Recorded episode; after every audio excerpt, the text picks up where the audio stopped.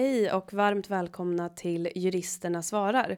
Det här är alltså en helt ny podcast från Företagarna där ni som lyssnar ska få tips, svar och råd som hjälper er i er företagarvardag. Jag heter Oksana Jakimenko och har arbetat på Företagarnas juridiska rådgivning i ett och ett halvt år. Här på Företagarna så arbetar jag eh, mycket med arbetsrättsliga ärenden men också en hel del avtalsrätt. Och jag heter Hampus Löfstedt och har arbetat på Företagarnas juridiska rådgivning sedan 2017. Jag arbetar framförallt med kommersiella tvister och arbetsrätt, vilket är något udda men väldigt härlig kombination. Ja, vad säger du Oksana? Bra. Och eh, idag så ska vi ta upp frågor som vi har fått in på temat anställningsformer. Vi kommer dock inte att prata om anställningsförhållanden och anställningsformer som regleras genom kollektivavtal, utan i dagens avsnitt så fokuserar vi på de anställningsformer som regleras i lagen om anställningsskydd, den berömda LAS. Ja, Eh, man kan väl börja med att säga att de olika anställningsformerna och vad som skiljer dem åt regleras i lagen om anställningsskydd. Och det finns tre anställningsformer. Det finns provanställning, tillsvidareanställning och tidsbegränsad anställning. Och anställningsformen tidsbegränsad anställning kan man säga eh, kan delas in i tre underkategorier. Så man kan ha en tidsbegränsad anställning som avser allmän visstidsanställning, vikariat och säsongsanställning. Och jag tänker att vi ska prata lite mer om de här olika underkategorierna lite senare här i avsnittet. Men om vi börjar med en provanställning så är det lite som, som det låter. Det är en prövotid för både arbetsgivaren och arbetstagaren att känna efter och bestämma sig om man tycker att det här anställningsförhållandet fungerar eller inte. Eh, och den här anställningsformen kan användas om man som arbetsgivare till exempelvis vill pröva den anställdes lämplighet i en viss tjänst. Och eh, som regel så kan en provanställning pågå i max sex månader. Och om arbetsgivaren vill avbryta provanställningen så ska han eller hon meddela den anställde om det senast 14 dagar i förväg. Den anställde kan däremot välja att avsluta sin anställning på dagen. Eh, och det här gäller ju förstås i den mån man inte har avtalat om någonting annat i sitt anställningsavtal. När arbetsgivaren avbryter en provanställning så behöver man inte uppge skälet till varför man vill avbryta provanställningen. Mm. Men avbrytandet får ju förstås inte ske på diskriminerande grunder. Nästa anställningsform är en tillsvidareanställning. Och det är den anställningsformen som många kanske benämner som, eh, som en fast anställning. Och eh, en tillsvidareanställning innebär att Eh, arbetsgivaren och arbetstagaren inte har avtalat om något slutdatum för anställningen utan den löper liksom på tills vidare tills någon av parterna väljer att säga upp anställningsavtalet. Längden på uppsägningstiden varierar beroende på hur länge man har varit anställd. Och om arbetsgivaren vill säga upp en anställd som har en tillsvidareanställning så krävs det saklig grund. Och det finns egentligen bara två sakliga grunder. Det är antingen arbetsbrist eller personliga skäl. Eh, innan man som arbetsgivare säger upp en anställd så måste man förhandla med den anställdes fackförbund och först när förhandlingen är avslutad då kan man verkställa den här uppsägningen. Eh, och den anställda har som regel en månads uppsägningstid om man säger upp sig själv. Om man då än en gång inte har avtalat någonting annat. Och till sist då så har vi den tredje anställningsformen och det är en tidsbegränsad anställning. Och en tidsbegränsad anställning kännetecknas kan man säga av att arbetsgivaren och arbetstagaren redan innan anställningen påbörjas har kommit överens om dagen för när anställningen ska upphöra. Så att man vet redan på förhand att anställningen löper från datum X till datum Y. Så att parterna har då på förhand avtalat ett slutdatum för anställningen och varken arbetsgivaren eller arbetstagaren kan som regel säga upp anställningen innan det avtalade slutdatumet. Eh, och som jag nämnde tidigare där så kan ju en tidsbegränsad anställning delas upp i tre underkategorier. En allmän visstidsanställning, vikariat och säsongsanställning. Och då tänker jag att vi ska lite kort gå igenom de här tre underkategorierna. Så en allmän visstidsanställning den kan vara så kort som en dag och så lång som 24 månader under en femårsperiod. Eh, det behöver inte finnas någon särskild anledning till att man erbjuder en person en allmän visstidsanställning istället för en till exempelvis tillsvidareanställning. Utan det är egentligen upp till företaget att bedöma vilket behov man har.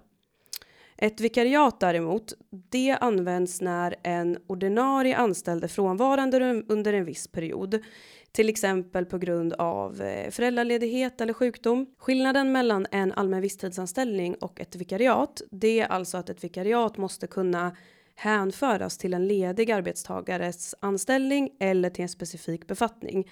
Och en till skillnad, det är att vikariatet inte alltid behöver ha ett på förhand avtalat slutdatum, alltså från datum X till datum Y, utan den kan avse den tiden som den ordinarie arbetstagaren är borta från arbetet.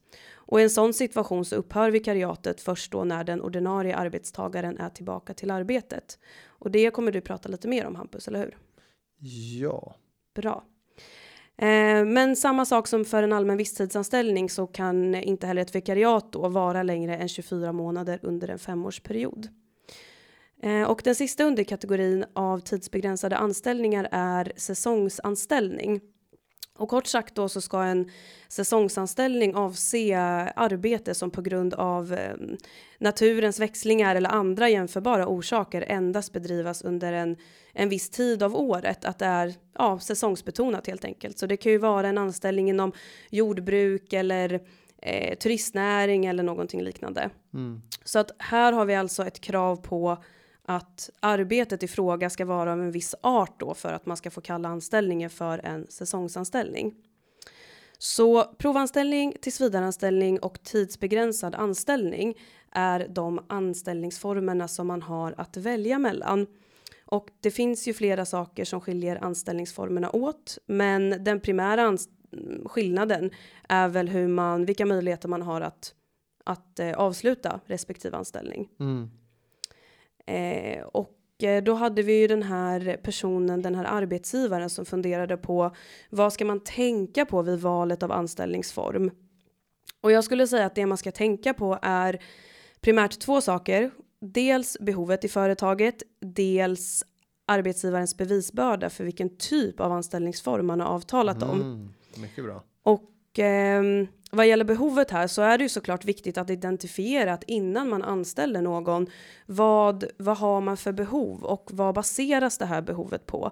Är det ett behov som finns bara här och nu lite tillfälligt eller kommer det här behovet att finnas kvar under en längre tid? Och eh, vad gäller arbetsgivarens bevisbörda där så är det som så att eh, enligt LAS så är huvudregeln att alla anställningar är tillsvidareanställningar om parterna inte avtalat någonting annat. Och där är det arbetsgivaren som måste bevisa helt enkelt att jo, men här har man avtalat om en provanställning och inte en tillsvidareanställning. Och så tänker man så här att bevisbörda, det låter tungt. Hur ska man kunna bevisa det? Jo, men det är ganska enkelt. Det gör man en, genom ett skriftligt anställningsavtal och då framgår det tydligt då vilken typ av anställningsform arbetsgivaren och arbetstagaren har kommit överens om.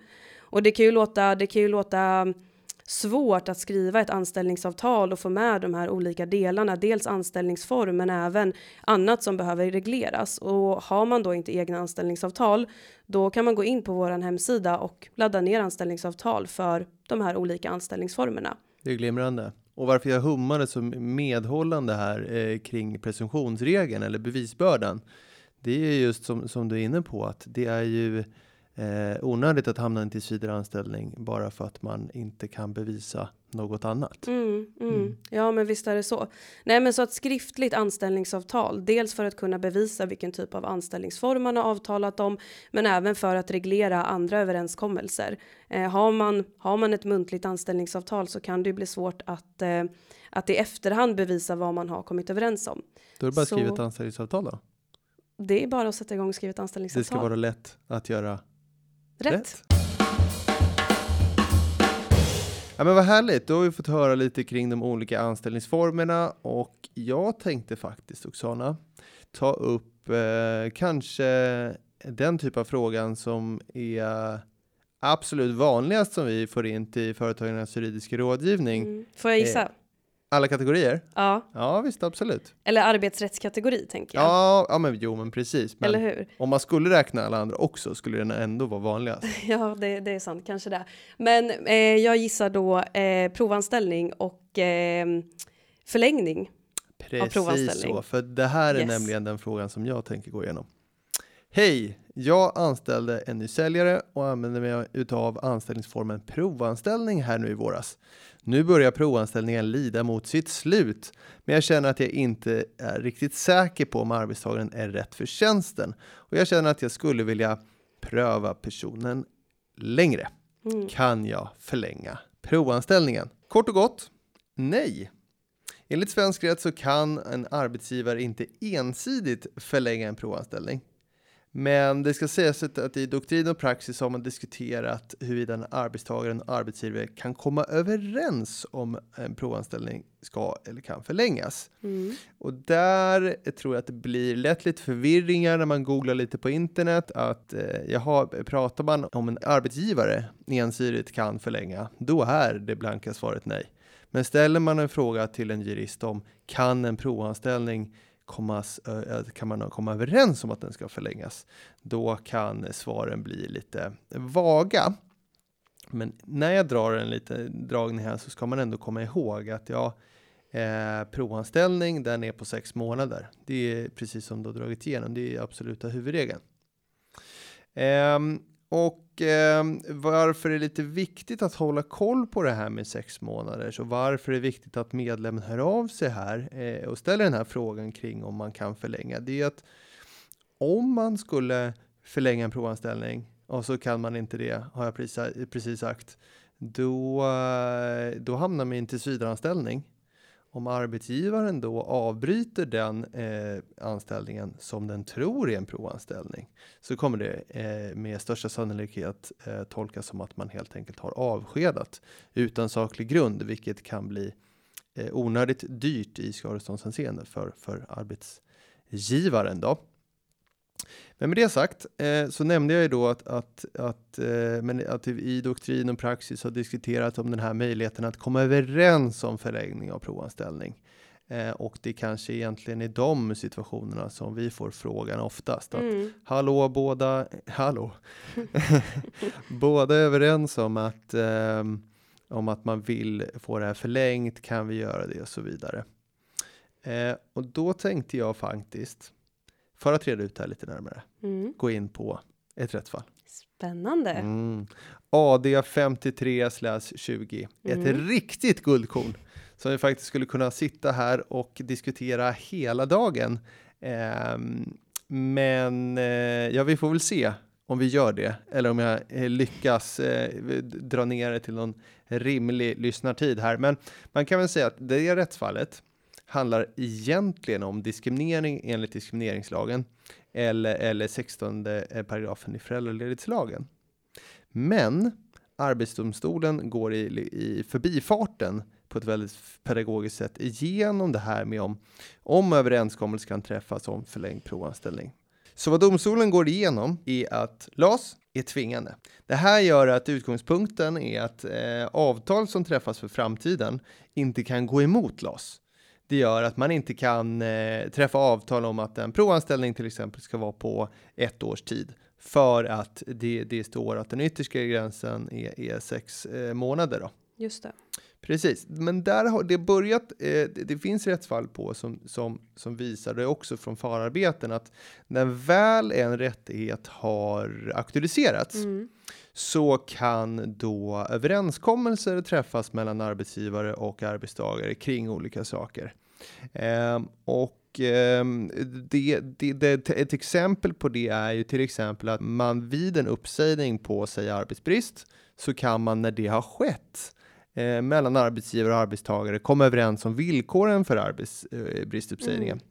Till exempel längre eller kortare uppsägningstid. Längre eller kortare uppsägningstid än det som den anställde egentligen har rätt till enligt Precis. LAS. Då. Så För då har rättigheten redan aktualiserats via det. själva uppsägningen. Just det. Men vi ska inte fastna i det, men det kan vara en bra idé att, att ha med sig att okej, LAS är tvingande, man får inte eh, avtala om saker som går emot LAS, för då är de ogiltiga, men har rättigheten aktualiserats så skulle vi eh, kunna komma en över, eh, överenskommelse om det. Då. Just det. Eh, lite vidare kan man väl säga så här att, att utan att eh, gå igenom eh, alla de eh, rättsfallen då som, som domstolen går igenom för att gå igenom det här med kring om överenskommelse kan träffas om förlängning av provanställning. Men så kan man väl säga att de kommer fram till att en överenskommelse om förlängning av en provanställning som huvudregel strider mot LAS. Vad har jag sagt nu då? Jo, 1. En arbetsgivare kan inte ensidigt förlänga en provanställning då detta strider mot LAS. Och eh, som huvudregel går det inte heller att komma överens om en förlängning av en provanställning då även det strider mot LAS.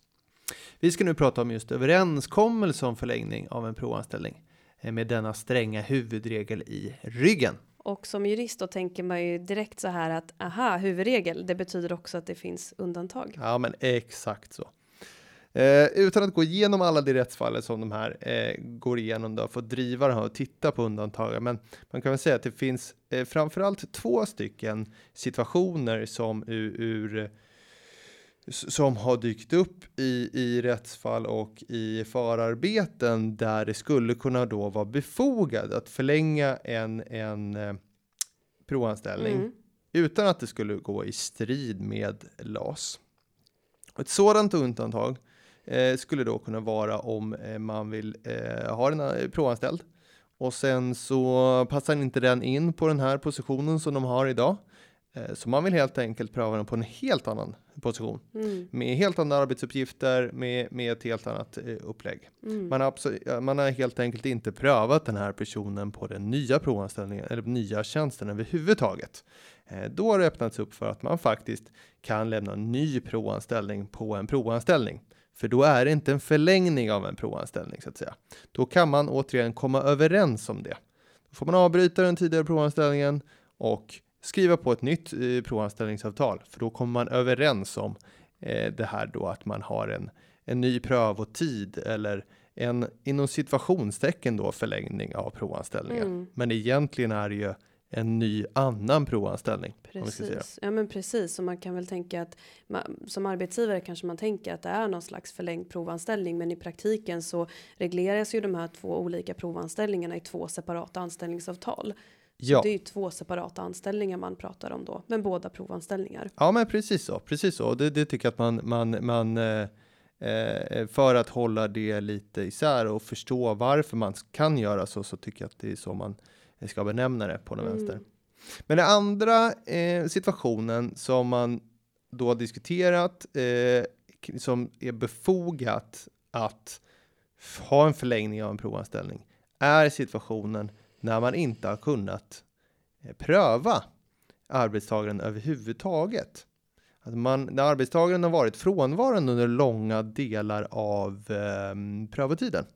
Och här tyckte väl jag i alla fall att det var väldigt härligt, kanske starkt ord, men det var härligt när det, här, när det här rättsfallet kom för att man hade tidigare i framförallt Lynning och i doktrin då läst om att ja, eh, det borde kunna vara så att man eh, vid yttersta undantagsfall eh, skulle kunna möjligen förlänga en provanställning om det varit helt uteslutet att att då pröva den här personen. Ehm, och då är, var det lite skönt att man här eh, tar upp det här igen och att ja, nej men eh, det, det, vi tycker att det är befogat att eh, förlänga provanställningar om man inte har kunnat pröva den här personen överhuvudtaget då. Och då pratar vi om överhuvudtaget. Även om det här rättsfallet då inte handlade om ytterst att eh, så här, ha, fick man eh, förlänga provanställning eller inte. För den här situationen så avbröt man provanställningen. Arbetsdomstolens slutsats var alltså att en arbetsgivare och en provanställd i en situation där frågan om att avbryta en provanställning har aktualiserats. Kommer du ihåg det med rättigheter? Just det. Mm. Eh, på grund av att en arbetstagare eh, varit då frånvarande från arbetet under stora delar av prövotiden utan hinder av LAS kan träffa en överenskommelse som innebär att prövotiden förlängs med en period som motsvarar själva frånvaron. För den här situationen så sa också Arbetsdomstolen att det spelar ingen roll om man då benämner den här förlängningen av provanställningen eller den överenskommelsen då egentligen som en ny provanställning eller en överenskommelse om att prövotiden har förlängts. Mm -hmm. I, mhm. tidigare, i, I tidigare situationen så tycker man kanske att man ska benämna det som en ny provanställning. Ja, Beträffande lite mer är det på ett annat sätt då. Det här går också faktiskt i linje, Oksana, med det eh, EUs så kallade arbetsvillkorsdirektiv mm -hmm. som ska vara implementerat i svensk rätt. den 1 eh, augusti 2022, nästa år alltså. För där står det nämligen att medlemsstaterna får i undantagsfall föreskriva längre provanställningar om det är motiverat med hänsyn till anställningskaraktär eller om det ligger i arbetstagarens intresse. Om arbetstagaren har varit borta från arbetet under provanställning får medlemsstaterna föreskriva att provanställning kan förlängas med en period som motsvarar frånvaro. Så lite sammanfattningsvis kan man säga att 1. En arbetsgivare får inte ensidigt i Sverige förlänga en provanställning. Big no-no. Nummer 2. Huvudregeln, och en ganska stark huvudregel ska jag nog slå ett slag för, är att eh, det i de flesta fall strider mot LAS att komma överens om att förlänga en provanställning. Nummer tre, det finns vissa undantag och framförallt då två som togs upp i det här rättsfallet som jag varit inne på nu, AD 5320, så har det gått att förlänga en provanställning i den situationen att man då har varit eh, frånvarande under stora delar av prövotiden. Eh, vi pratar eh, så att man inte har kunnat pröva den här personen på tjänsten eh, överhuvudtaget kan man väl nästan säga. Mm. Eller den här andra situationen eh, med, med eh, en förlängning av provanställning inom citationstecken kaninöron eh, där man då helt enkelt har en ny provanställning för en helt annorlunda tjänst då kan man säga. Mm. Så lite så tror jag att vi har mm. kommit i mål. Ja, men och jag tänker att när man hör när man hör de, den här huvudregeln och undantagen så kanske man också förstår varför eh, varför vi i rådgivningen får den här frågan rätt ofta. Mm, mm. Visst, vi har en huvudregel, men vi har också undantag och där behöver man ju vara eh, göra rätt från början så att säga så att man mm. följer huvudregeln som huvudregel. Men ska man tillämpa ett undantag, ja, men då kanske man ska ringa och stämma av det med oss innan Eh, eller att man stämmer av med någon annan jurist helt enkelt. Så att den här undantagsdelen helt enkelt är tillämplig på ens situation. Det låter som en utmärkt idé. Också. Eller hur? Mm. Bra. Men du, jag har också en följdfråga på det här mm -hmm. med -hmm. provanställning och förlängning. Jag tänker så här då.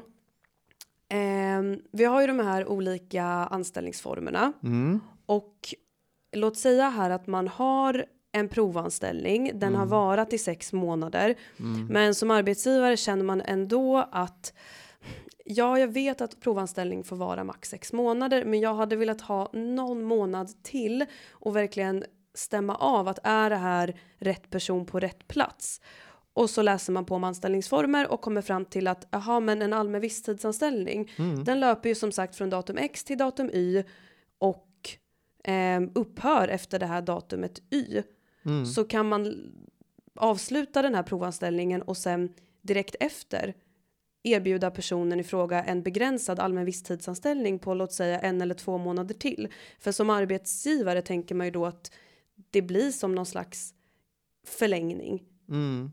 För då får man ju två månader till på sig att pröva den här anställda och sen funkar det inte, ja men då upphör ju den det här mm. datumet Y. Får man göra på det sättet? Man kan komma överens om saker och ting när rättigheterna har aktualiserats och som en liten kommentar, som en passus, så säger man ja, men till exempel om man avbrutit en provanställning så kan man komma överens om att en allmän eh, visstidsanställning ska, ska komma överens, eh, ska avtalas om mm. helt enkelt.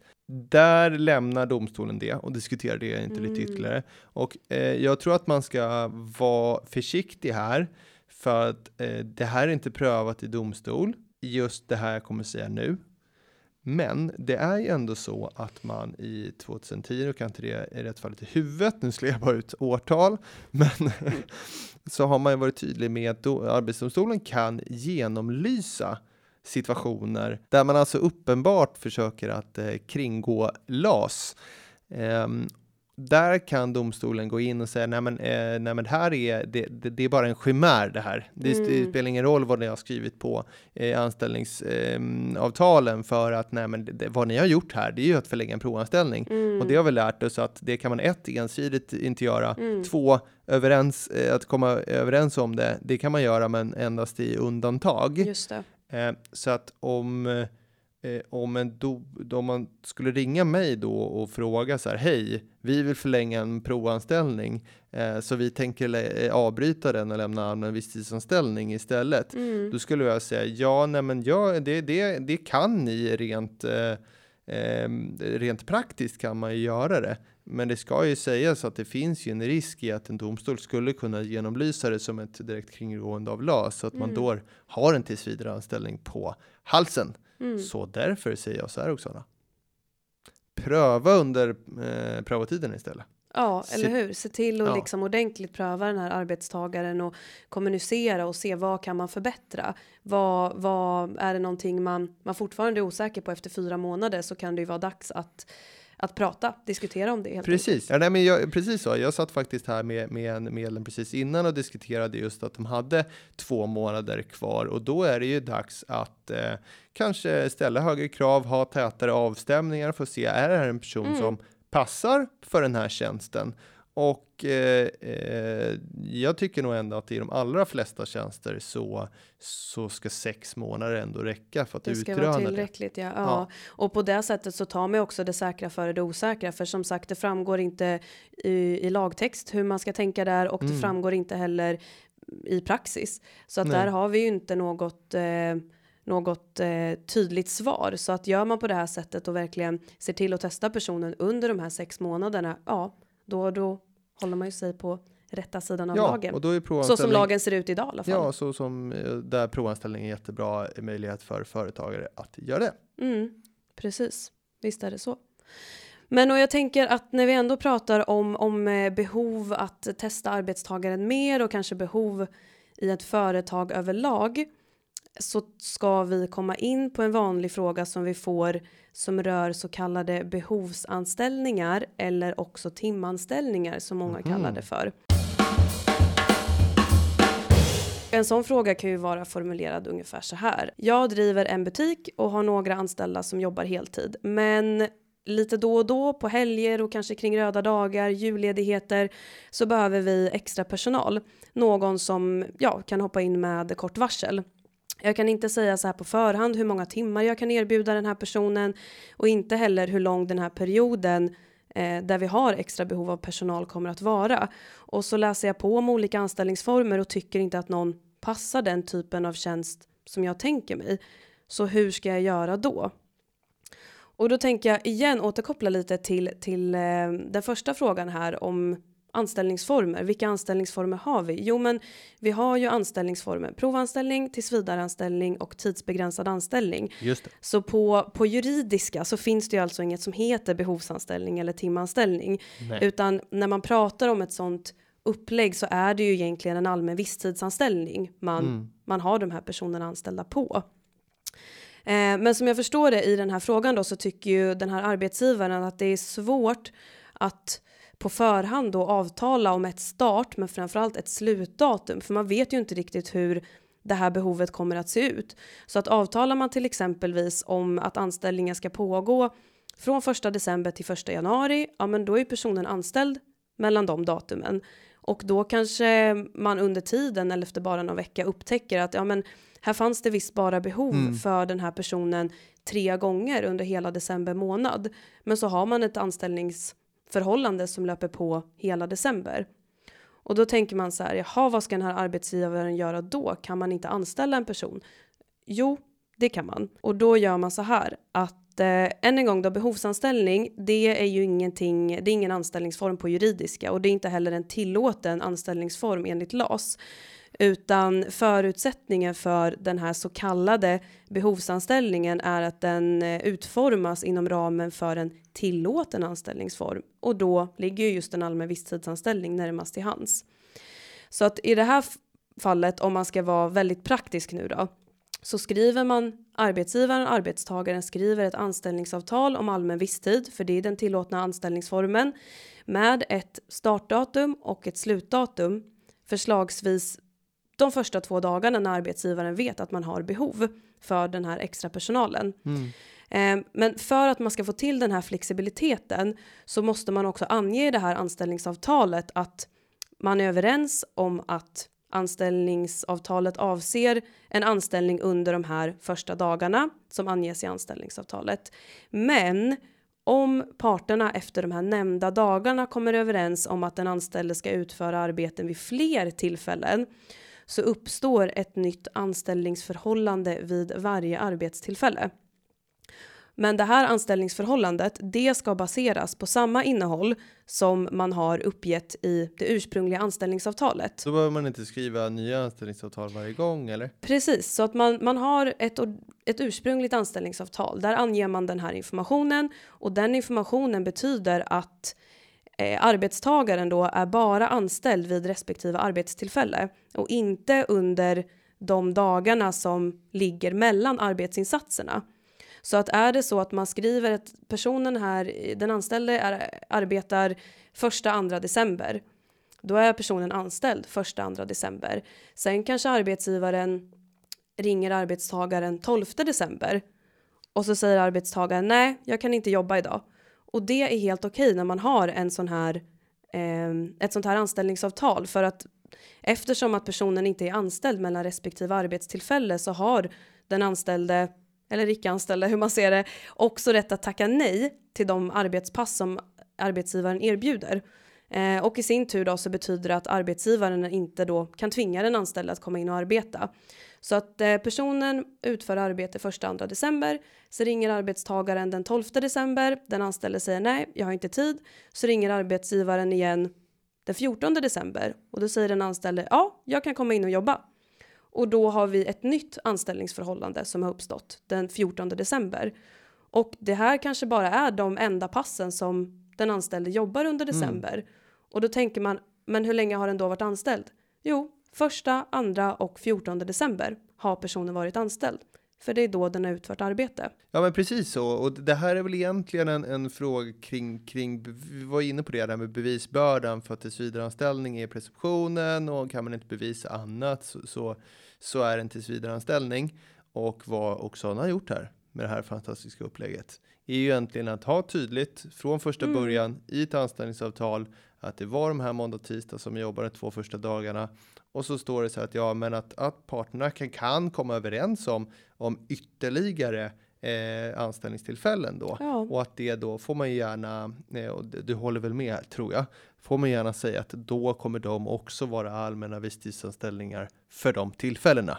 Precis, ja men mm. precis och det tänker jag att det gör man bäst i att skriva in i det här ordinarie anställningsavtalet direkt då att det här rör sig om en allmän visstidsanställning mm. eh, och att varje respektive arbetstillfälle som uppstår efter första andra december här efter första gången som personen utförde arbete. Är. Det är också allmänna visstidsanställningar. Ja, det är glimrande. Och som du sa Hampus, det här baseras ju också på att det just är en överenskommelse så att arbetstagaren kan själv välja vilka arbetspass man tackar ja och nej till och arbetsgivaren behöver inte binda upp sig på en längre anställning än det som företaget har behov av. Mm. Men, men sen tänker jag det kan ändå vara värt att lägga till här att en allmän visstidsanställning det är ju en Mm, inte minst en sån här typ är ju en osäker form av anställning. Mm. För den kan ju vara så kort som en dag och så lång som 24 månader då inom en femårsperiod. Mm, mm. Så att man, man, ska väl ändå tänka på att märker man som arbetsgivare av att behovet eller att behovet är återkommande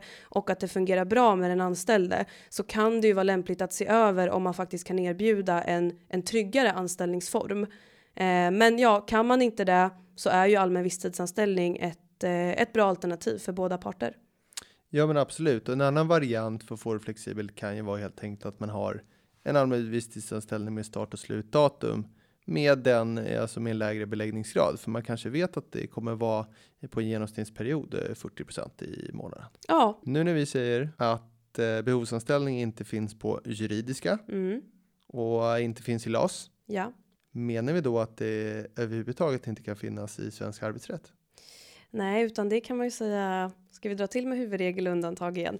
Nej, men så, så är det ju inte. Det tycker alltså. absolut, för att i LAS finns det möjligheter att eh, avtala i kollektivavtal Exakt. för vissa paragrafer och det här är en sådan. Precis, så att där kan man väl igen säga att huvudregel och undantag då att Eh, har man inte kollektivavtal så finns det ingenting som heter behovsanställning utan då är det de här anställningsformerna som räknas upp i LAS. Och som räknades upp av dig här i början av podden. Och som räknades upp av mig som man har att välja på. Är det däremot så att man har kollektivavtal, ja då kan den här behovsanställningen vara en, en eh, legal anställningsform mm. enligt kollektivavtalet Precis. som man då får använda sig av. Men som sagt, det, det behöver man ju stämma av då mm, genom kollektivavtalet och se, är det här en en anställningsform enligt vårt kollektivavtal eller är det de anställningsformerna som räknas upp i LAS som man har att välja på? Bra, då tycker jag nästan att vi går vidare med eh, dagens eh, sista fråga. Och om ni har varit uppmärksamma så har vi pratat om provanställning. Vi har pratat om, eh, eh vi har pratat allmän visstidsanställning. Ja. Och vi har pratat om alla anställningar. Mm. Och därför slänger vi in en liten fråga på slutet kring eh, som vi fått kring vikariat. Då. Hej! Jag har en anställd på ett vikariat för en annan anställd som är föräldraledig. Nu vill den föräldraledige komma tillbaka tidigare än vad som är planerat. Hur hanterar jag detta? Ja, hur hanterar man det här? Jo, eh, som huvudregel så har ju tidsbegränsade anställningar ett start och ett slutdatum. Eh, och Eh, vilka är nu de här olika underkategorierna tidsbegränsade anställningar som du har berättat om? Jo, men då har vi ju som sagt eh, allmän visstidsanställning, vikariat och säsongsanställning. Ja, men precis. Eh, och här har vi då fråga, eh frågeställaren kring vikariat. Mm. Och vikariat knyts ju till en ordinarie tjänsteinnehavare. Sådär. Mm. Men för att svara, kunna svara på det här kring eh, kring vad som händer då när den här föräldraledige vill komma tillbaka tidigare så måste man nästan eh, titta i försvaret ligger i hur man har skrivit det här anställningsavtalet, vikariatavtalet om man så vill kalla det då. Eh, det, jag ser det väl lite som att det nämligen kan skrivas på tre olika sätt. Mm. Eh, man kan skriva det så att, att sluttiden för vikariatet är kopplat till den ordinarie tjänsteinnehavarens återkomst och då inte kräver någon uppsägning då, utan då, då, då, då upphör den här vikariatet att gälla så att säga. Eh, I en sån situation så skulle ju vid den här frågan eh, det bara innebära att man, man då kan höra av sig och säga, men och här om två veckor så kommer eh, Christer tillbaka och, och då så avslutas ditt vikariat. Så. Det andra situationen skulle vara att man kanske har skrivit ett start och slutdatum. Mm. Med, utan någon förklaring till att den här uppsägningen eh, eh, kan avslutas i, i förtid. Då, eh, och om eh, den eh, anställde som är föräldraledig kommer tillbaka tidigare. Mm. Då är det ju ett start och slutdatum som gäller som kan vara lite knepigt då. Mm. Eh, och då så hoppas man att man har skrivit dock längst till och med i uppsägningsavtalet. Just det. För då så har man i praxis sagt att nej, men då kan man ändå säga upp om det är på saklig grund. Just det. Men då behöver man en, en, en, en arbetsbristuppsägning då helt enkelt. Eh, och då får man ju gå igenom den den biten eh, med att ja, nej, men förhandla med facket och uppsägningstid, den uppsägningstid som det föranleder. Då. Mm. Det ska sägas, har man inte skrivit dock längst till och med, har inte kopplat till ett namn överhuvudtaget, mm. då får man nog glatt ha eh, båda de här eh, arbetstagarna på plats. Mm. Eh, så. Och det förekommer ju att eh, har, har man gått på föräldraledighet så har man ju rätt att komma tillbaka till arbetet tidigare än vad man har planerat för så att säga. Absolut. Och har man då en vikarie på sin plats och man som arbetsgivare inte har det här dock längst till och med mm. i anställningsavtalet. Precis som du sa då Hampus så kan det bli en situation där den föräldralediga kommer tillbaka en månad tidigare men så har man också en vikarie som mm. har en månad kvar på sin anställning och då får man helt enkelt eh, sysselsätta båda två eller på att säga. Nej men då, då har ju båda två rätt att ha sina anställningar så att säga. Precis, men det finns ju faktiskt den där eh, eh, paragrafen i föräldraledighetslagen kring att man har möjlighet att om en föräldraledig vill komma tillbaks lite tidigare att man kan skjuta upp det i alla fall en Just månad då. Precis. Så där har man lite, lite, lite flexibilitet, flexibilitet ändå. då. Mm. Men sen den sista då, och den som var uppmärksam var att jag har dragit tre möjligheter till skrivningar, Mm. så kommer det här en fjärde faktiskt. och det är ju när man i, i har då kopplat uppsägning, eller uppsägningen, avslut, sluttiden ska jag säga, kopplat sluttiden på vikariatet till en namngiven ordinarie tjänsteinnehavares återkomst. Men att det också skrivits ett, en, en, liksom ett slutdatum dock längst till och med. Eh, och man har lagt till, eller till, kanske till och med lagt till att det är en månads eh, ömsesidig uppsägningstid. Eh, och då ska vi se det som så då att då har man ju liksom både det här att den tar slut automatiskt i den här yttersta kanten. Mm. Den tar slut eh, eh, när den eh, ordinarie tjänsteinnehavaren eh, återkommer och återgår i träder i tjänst. Mm. Eh, eh, man kan naturligtvis komma överens om att båda ska vara på plats om man nu skulle vilja det, men det ska man inte gå in på, på här, utan det är en liten annan variant. Men, men då har vi både det här med att den tar slut automatiskt längst bort. Mm. Den tar slut eh, när den här återgår. Men det finns ju också situationer där man skulle kunna inse att nej, men vi ska inte ha den här ordinarie tjänsten kvar ens och att man då kan säga upp på, på med saklig grund arbetsbrist då. Eh, för att just det här dock längst till och med som jag varit inne på har tolkats som att eh, det innebär att det finns en möjlighet att säga upp, men då med saklig grund arbetsbrist i det, här fallet. Mm. Så man kan säga att har man ett sån typ av anställningsavtal så har man egentligen flera möjligheter då för att avsluta eller avbryta det här vikariatet tidigare. Man har antingen när den ordinarie personen återgår till arbetet Mm. eller då eh, om man behöver säga upp av, på grund av arbetsbrist tidigare. Mm, eller när den här personen återgår, det kan man ju, Ja, det kan ju precis. vara Eller att man liksom löper, att hela Mm. anställningsavtalet löper linan ut då så att Mm. man har kvar båda kanske. Man märker att det, det funkar bra och sen så avslutar vikarien sin tjänst på avtalat slutdatum. Så svaret på frågan är att ja, men det, det går väl kanske att hantera det här alldeles utmärkt. För att eh, antingen står det i anställningsavtalet att det är kopplat till en viss ordinarie persons eh, återkomst i, i, i, i förtid. Då. Eller så har man eh, skrivit att det är en eh, start och slutdatum fast med dock längst till och med. Då kan man ju köra ett arbetsbristförfarande. Att man eh, helt enkelt får förhandla med fack och, och säga att Nej, men vi är övertaliga och en månads uppsägningstid och så vidare. Mm. Eh, tredje alternativet kan ju då vara, eh, som jag sa som fjärde förut tror jag, eh, var att, att, eh, att man då har en, en kombo med att man både dock längst till och med eh, och eh, en namngiven person. Då kan det ju bli eh, både att man helt enkelt låter eh, att det är så att man säger upp arbetsbrist i förtid. Eller att man helt enkelt har kopplat det här till, till personen eh, som kommer tillbaks. Mm. Eller att man låter den eh, löpa ut helt enkelt. Mm. Nitlotten är väl om man bara skrivit ett, det här är ett vikariat och så står det från och med till och med. Mm. Då sitter man ju eh, lite i klaveret och får ju då helt enkelt eh, låt, glatt sitta där med de här båda två kvar. Då. Ja, så blir det ju.